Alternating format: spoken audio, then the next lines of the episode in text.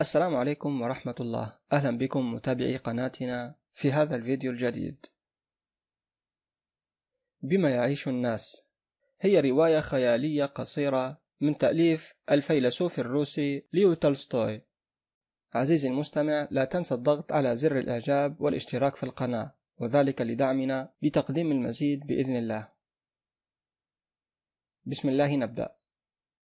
صانع أحذية لا يملك من الأرض قيد شبر وكان يقطن كوخا لأحد الفلاحين ويعيش من كسب يده. لقد كان العمل إذ ذاك كاسدا وحركته خامدة وزاد الطين بلة أن سبل العيش كانت مجهدة ونار الغلاء متأججة في كل حاجيات الحياة. لذلك كان كل ما يقبضه سيمون ثمنا لعرق جبينه ينفقه في سبيل الحصول على قوت يتبلغان به هو وزوجته. لم يكن لذلك الشيخ وزوجته إلا غطاء جلدي يتقاسمانه سويا ليدفع عنهما قر الشتاء.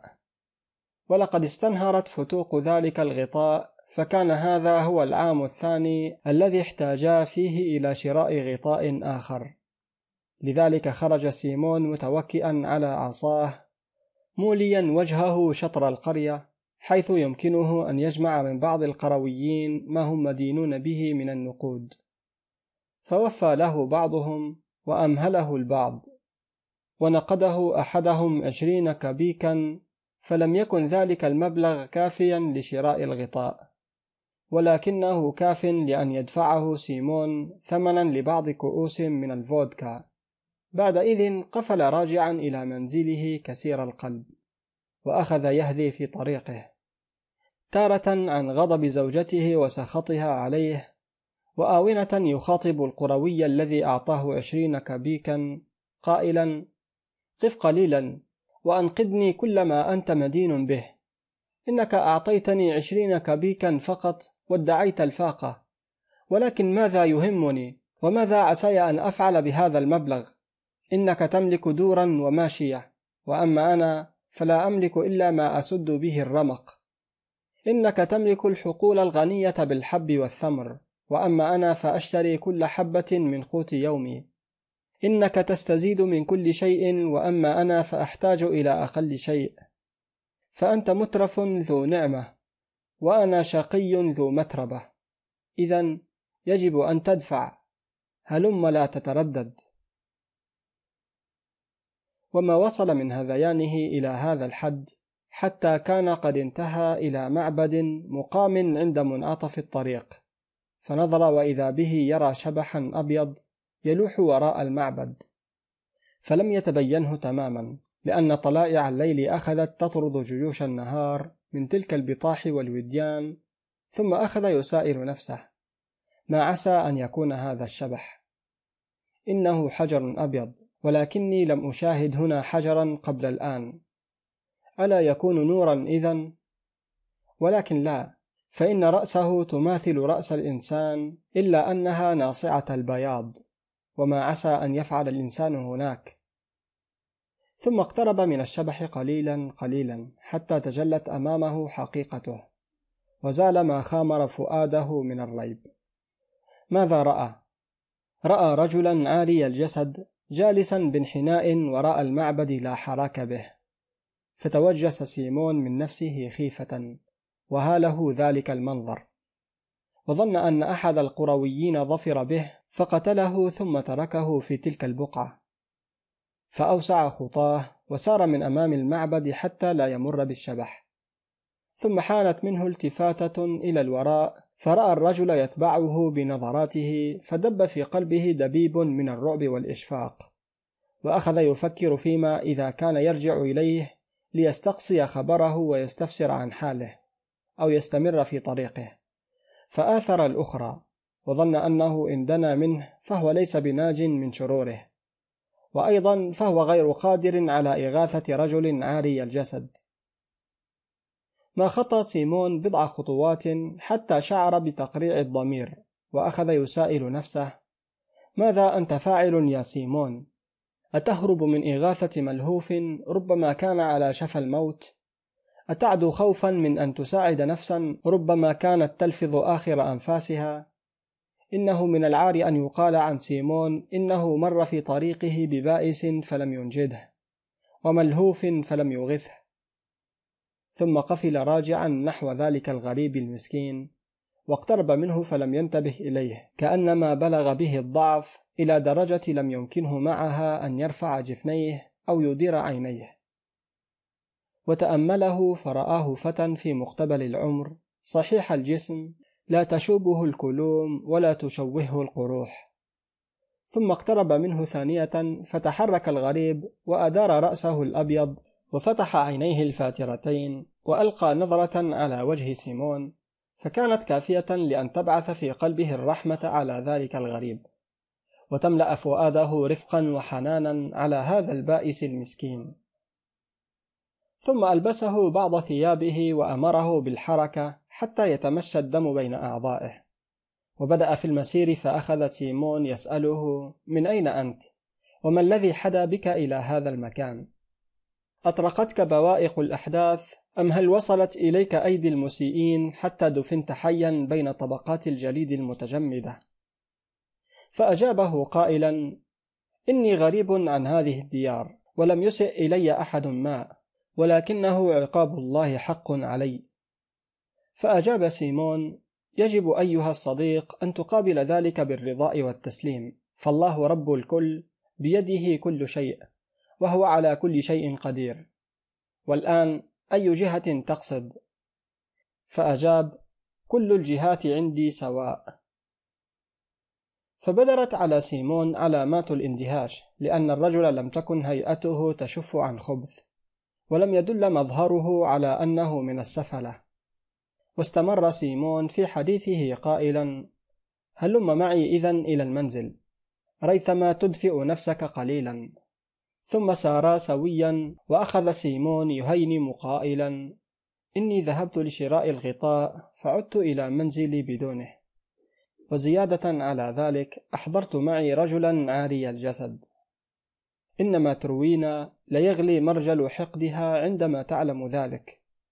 وكان كلما عاودته ذكرى زوجته يطرق برأسه عابسا ولكنه كلما تذكر حالة ذلك المسكين ونظراته المؤلمة عاودته بشاشته وطفح ثغره فرحا وسرورا. أما ما تروينا فقد أنهت كل واجباتها المنزلية في ذلك الصباح وجلست تفكر في زوجها وما عسى أن يكون قد فعل. وإذا بها ترى رجلين مقبلين أحدهما سيمون والآخر غريب لم تعرفه. فدار بخلدها لأول وهلة أن زوجها احتسى بعض كؤوس من الخمر وما الآخر إلا من أعوانه السكيرين ثم بدأت تصخب ولكنها انتظرت ريثما ترى ماذا يصنعان. دخل سيمون منكس الرأس خجلا ثم تبعه صديقه الذي ظل واقفا صامتا لا يبدي حراكا. فلم تتردد ما تروينا في أنه من السفلة الأشرار. أما سيمون فقد خلع قبعته واستوى جالسا على أحد المقاعد كأن المياه ما زالت جارية في مجاريها ولم يحدث شيء يثير غضب زوجته. ثم دعا صديقه ليجلس بقربه ففعل ثم خاطبها قائلا الآن يا ما تروينا قدمي لنا ما عندك من العشاء. فنظرت إليه شررا وازداد حنقها وأجابته إني أعددت كل شيء ولكن ليس للسكارى الذين تلعب برؤوسهم الخمر فتخرجهم عن المألوف. قال سيمون ما تروينا لا تكثري من تهدجك وضعي حدا لثرثرتك. يجب أن تعرفي أولا من هو هذا الرجل. فأجابته إني لا أشك في أنه من أبناء الشريرين. فقال كلا فأنت مخطئة. فقاطعته قائلة وأين النقود؟ فصمت سيمون فكان ذلك برهانا زاد اعتقادها فيهما.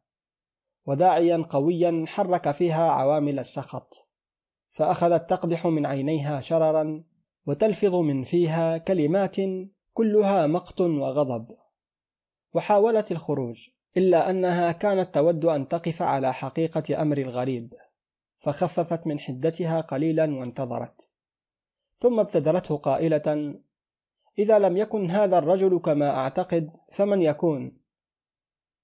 قال سيمون هذا ما أردت أن أوقفك على حقيقته من بادئ الأمر. فاعلمي أنني عندما وصلت إلى المعبد في رجوعي من القرية رأيت هذا الرجل جالسا بين طبقات الجليد المتجمدة. لا ثوب يكسيه ولا دثار يدفع عنه غائلة البرد. فأشفقت عليه ودثرته كما ترين ثم آويته إلى هنا. ولو لم يرسلني الله في تلك الآونة لكان قضى نحبه لوقته. فخففي من وطأة حدتك واعلمي أنها خطيئة كبرى يا ما تروينا وتذكري أننا سنموت جميعا يوما من الأيام. فتمتمت ما تروينا ببعض كلمات يشتم منها رائحة الغضب وألقت نظرة على الغريب وظلت صامتة. ما تروينا ألا توجد في قلبك عاطفة المحبة محبة الله؟ وما سمعت هذه الكلمات من زوجها حتى نظرت إلى ذلك الضيف الغريب ثانية فشعرت بعاطفة الرحمة نحوه وقامت لوقتها وأحضرت البقية الباقية مما عندها من الطعام وقدمته لذلك المسكين الذي دفع ثمنه نظرة فاترة وابتسامة لطيفة عبرت عما في نفسه من الشكر والثناء. وبعد الانتهاء من أكله أخذت ما تروينا تعيد إلى مسامعه نفس الأسئلة التي سأله إياها زوجها من قبل فأجابها بمثل ما أجاب زوجها وختم إجابته بقوله إن زوجك دثرني وآواني وأنت أسقيتني وأطعمتني فالله يؤتيكما خيرا. ثم باتا وأصبحا فسأله سيمون ما الذي يمكنك أن تباشره من الأعمال؟ فأجابه ليس بيدي صنعة ما. فاستمر سيمون في كلامه إن من يريد أن يعمل فليس من الصعب عليه ذلك. فأجابه سأتعلم. فبدأ سيمون يعلمه كل يوم درسا من صناعته وكان ميكائيل سريع البديهة فما مر ثلاثة أيام إلا وكان يباشر العمل كأنه به منذ سنين عديدة.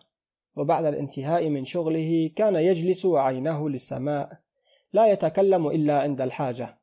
ولا يميل قط إلى المجون والمزاح. قليل الابتسام فلم يروه يبتسم إلا مرة واحدة عندما قدمت إليه ما تروين العشاء في أول ليلة من ليالي حياته الجديدة. كرت الأيام ومرت الأعوام وميكائيل يثابر على العمل مواصلا ليله بنهاره حتى ذاع صيته وعلت شهرته بين القرى والربوع المجاورة. وفي ذات يوم بينما هم جالسون في كوخهم وإذا بعربة يجرها ثلاثة من الصافنات الجياد تنهب الأرض نهبا وتتقدم نحو كوخهم الحقير. وما هي إلا بضع ثوان حتى رأوا العربة قد وقفت أمام الكوخ. وقفز منها سيد تلوح عليه أمارات الشرف. ومخايل النبل ضخم الجسم أحمر الوجه طويل القامة. فقام سيمون لوقته وفتح باب كوخه على سعته ثم وقف محييا ذلك الزائر العظيم منحنيا أمامه بكل تؤدة واحترام. فقال السيد بكبر من رئيس العمل في هذا الكوخ؟ فأجابه سيمون أنا يا صاحب العظمة. ثم أمر الشريف خادمه أن يحضر الجلد فأتى به ووضعه على خوان في وسط الكوخ. وبعد إذن وجه السيد كلامه إلى سيمون قائلا ألا ترى هذا الجلد؟ فأجاب: نعم يا صاحب الشرف، إنه في غاية الجودة.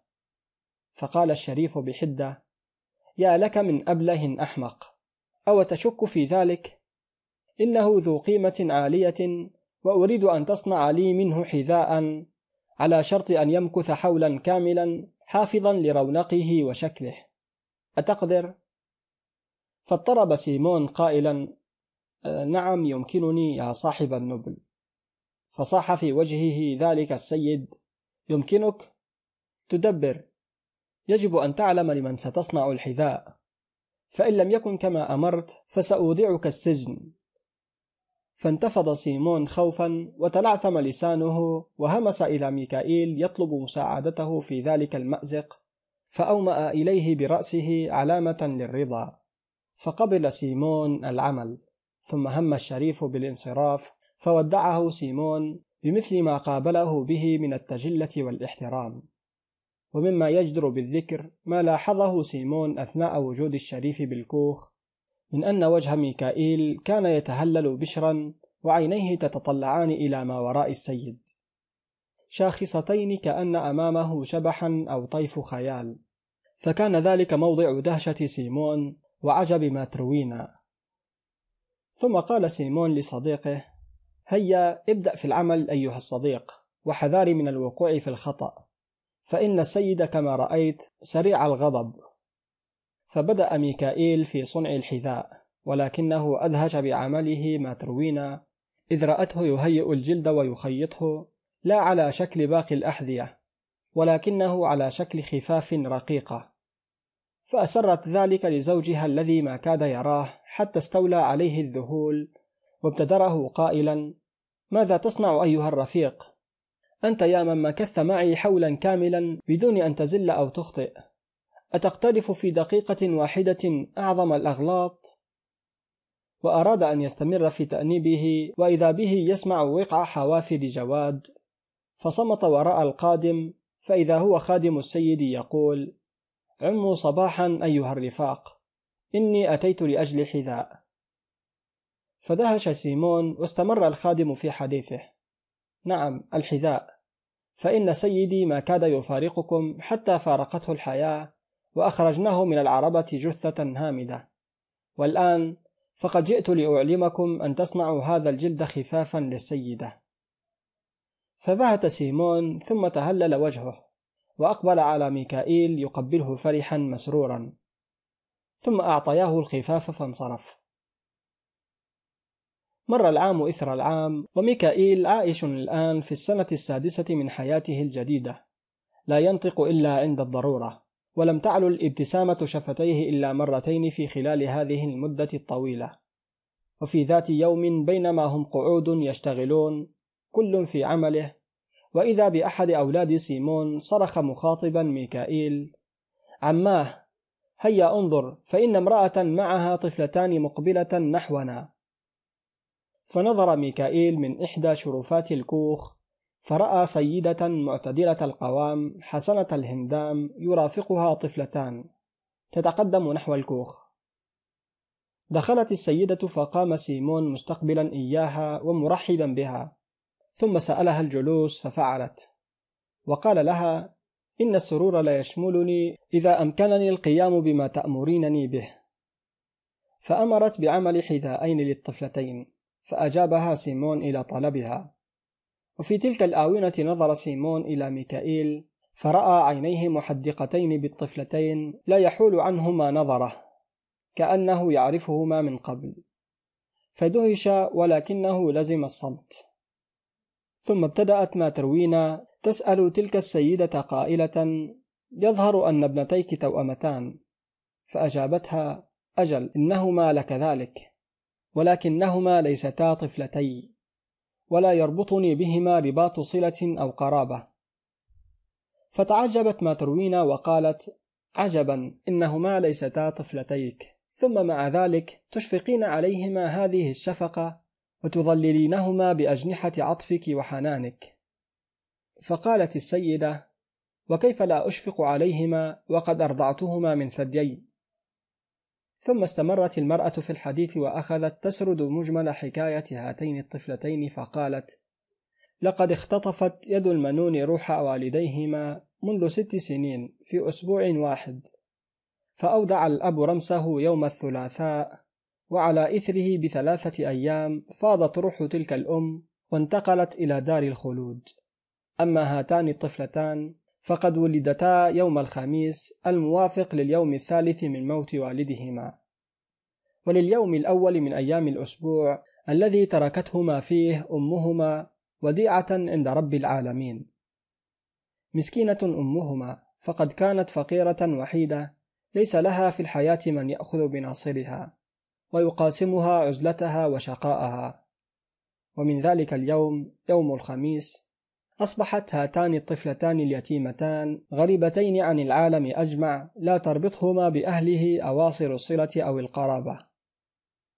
لقد كنت أنا وزوجي مقيمين في ذلك الحين في القرية وكانت تربطنا بوالدي الطفلتين رابطة الجوار وقد ذهبت لأزور تلك المسكينة في صباح أحد الأيام فما كدت أخطو بضع خطوات حتى وجمت ذعرا وهالني ما رأيت. نعم إنها لساعة رهيبة مخيفة. رأيت الأم ملقاة على الأرض فدنوت منها فإذا هي جثة هامدة تعلو وجهها صفرة الموت. وحولها طفلتان في المهد تصيحان وتعولان. فأخذتا تناديان أمهما النداء الأخير. وتسمعانها صوت بكائهما قبل فراقهما الأبدي. وهكذا في ساعة ولدتهما وفي ساعة فقداها.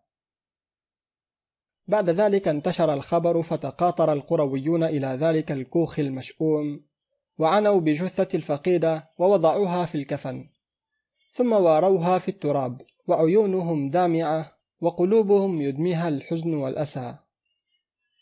لم يكن للطفلتين نصير كما ذكرت فتكفلت بهما وتعهدت بتربيتهما ولم يكن لي في الحياة سوى طفل صغير اعتبطه الموت. فكم كنت أشعر بالوحدة لو لم يكن هاتان الطفلتان بجانبي وكم يزداد حبي لهما فهما زهرة حياتي ونظرتها. وبعد أن انتهت من حديثها ضمت إليها بيمينها إحدى الطفلتين ومسحت بيسارها عبراتها المنسجمة. فتنهدت ما تروينا وقالت حقا لقد صدق المثل القائل إن الإنسان يمكنه أن يعيش بلا أب أو أم ولكن لا يمكنه ذلك بدون رحمة الله. ثم ساد السكوت وانبثق نور وضاء من الركن الذي كان فيه ميكائيل وأنار كأنه ضوء الشمس القوي في الصيف. فنظروا إليه فإذا هو جالس ويداه على منكبيه وعيناه تتطلعان إلى السماء. ووجهه يتلألأ وثغره يبتسم. ما ذهبت المرأة بطفلتيها حتى قام ميكائيل وانحنى أمام سيمون وقال الوداع الوداع لقد غفر لي ربي ولم يبق إلا أن أسألك عفوك إن كنت هفوت أو أذنبت.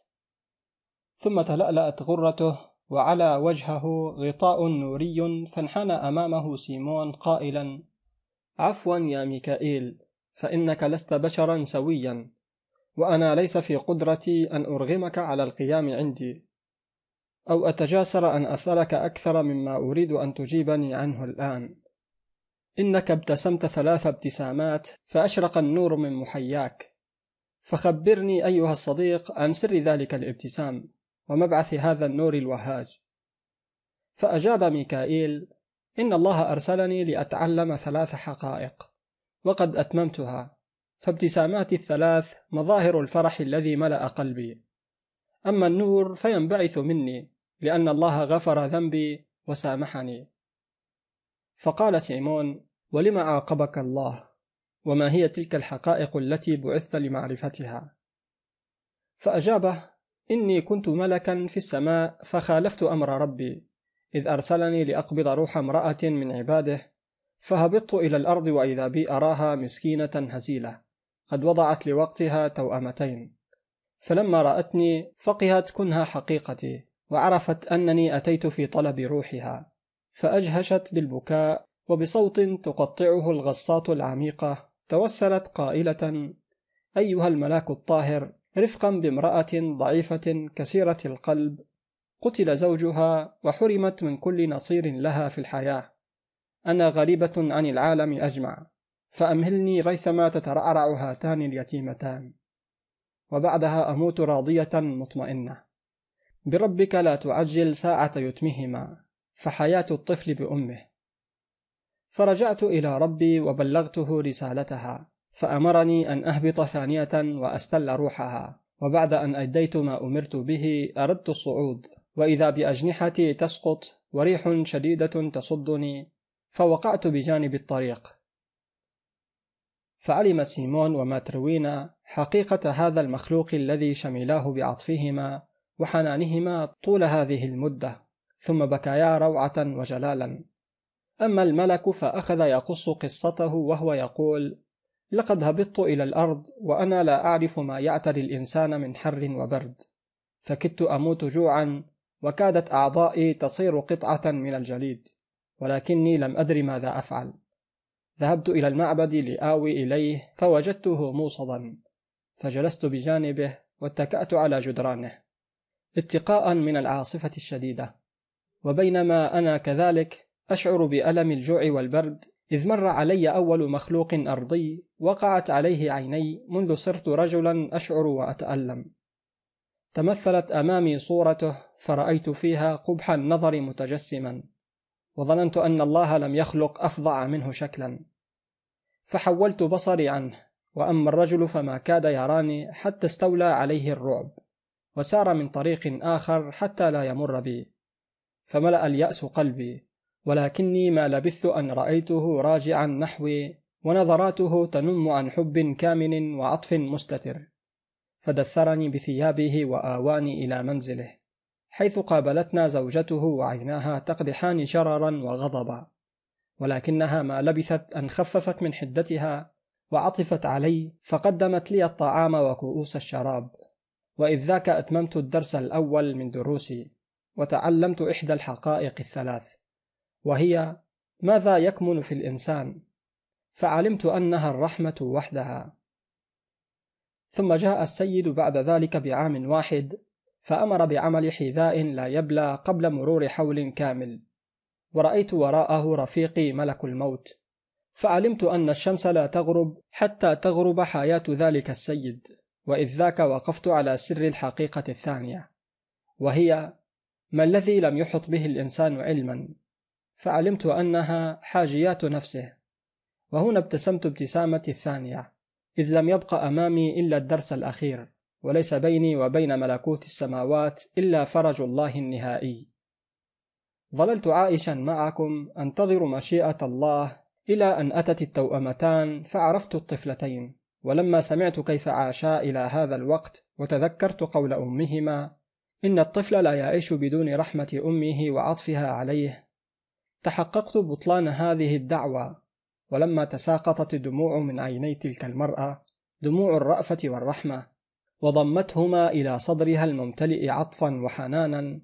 عرفت أن في قلبها عاطفة سامية هي عاطفة الرحمة التي هي سر الحقيقة الأخيرة وهي بما يعيش الناس.